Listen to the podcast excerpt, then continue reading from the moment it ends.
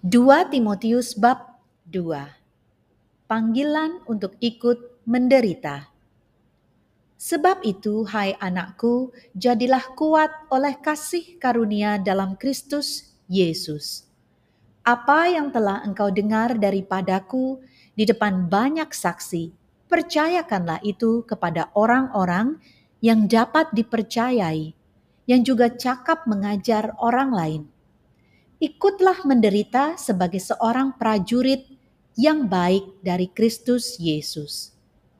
Seorang prajurit yang sedang berjuang tidak memusingkan dirinya dengan soal-soal penghidupannya, supaya dengan demikian ia berkenan kepada komandannya.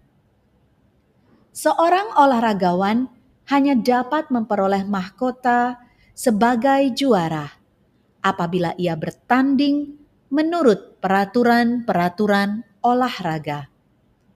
Seorang petani yang bekerja keras haruslah yang pertama menikmati hasil usahanya. Perhatikanlah apa yang kukatakan. Tuhan akan memberi kepadamu pengertian dalam segala sesuatu. Ingatlah ini, Yesus Kristus yang telah bangkit dari antara orang mati yang telah dilahirkan sebagai keturunan Daud, itulah yang kuberitakan dalam Injilku. Karena pemberitaan Injil inilah aku menderita, malah dibelenggu seperti seorang penjahat. Tetapi firman Allah tidak terbelenggu.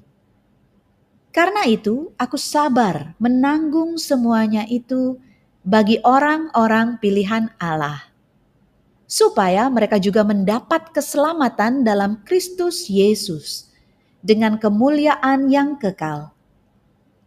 Benarlah perkataan ini. Jika kita mati dengan Dia, kita pun akan hidup dengan Dia. Jika kita bertekun, kita pun akan ikut memerintah dengan Dia. Jika kita menyangkal Dia, Dia pun akan menyangkal kita jika kita tidak setia, Dia tetap setia, karena Dia tidak dapat menyangkal dirinya. Nasihat dalam menghadapi pengajar yang sesat. Ingatkanlah dan pesankanlah semuanya itu dengan sungguh-sungguh kepada mereka di hadapan Allah, agar jangan mereka bersilat kata karena hal itu sama sekali tidak berguna, malah mengacaukan orang yang mendengarnya. Usahakanlah supaya engkau layak di hadapan Allah sebagai seorang pekerja yang tidak usah malu, yang berterus terang memberitakan perkataan kebenaran itu. Tetapi hindarilah omongan yang kosong dan yang tak suci, yang hanya menambah kefasikan perkataan mereka menjalar seperti penyakit kanker di antara mereka, termasuk Himeneus dan Filetus, yang telah menyimpang dari kebenaran dengan mengajarkan bahwa kebangkitan kita telah berlangsung dan dengan demikian merusak iman sebagian orang. Tetapi dasar yang diletakkan Allah itu teguh dan meterainya ialah Tuhan mengenal siapa kepunyaannya.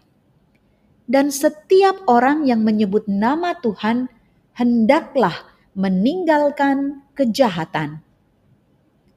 Dalam rumah yang besar bukan hanya terdapat perabot dari emas dan perak, melainkan juga dari kayu dan tanah. Yang pertama dipakai untuk maksud yang mulia, dan yang terakhir untuk maksud yang kurang mulia.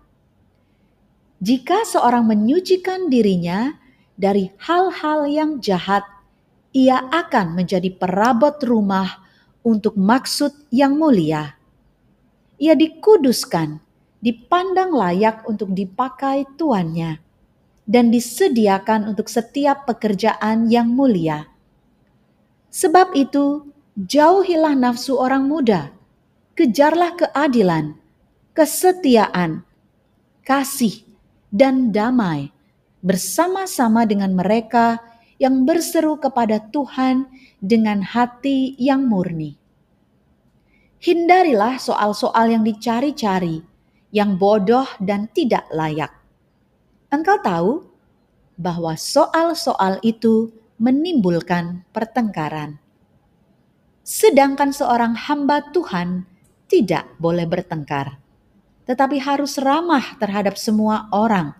Ia harus cakap mengajar, sabar, dan dengan lemah lembut dapat menuntun orang yang suka melawan.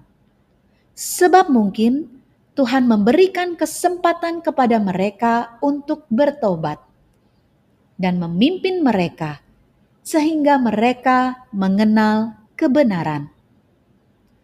Dan dengan demikian, mereka menjadi sadar kembali karena terlepas dari jerat iblis yang telah mengikat mereka pada kehendaknya. Demikianlah sabda Tuhan. Syukur kepada Allah.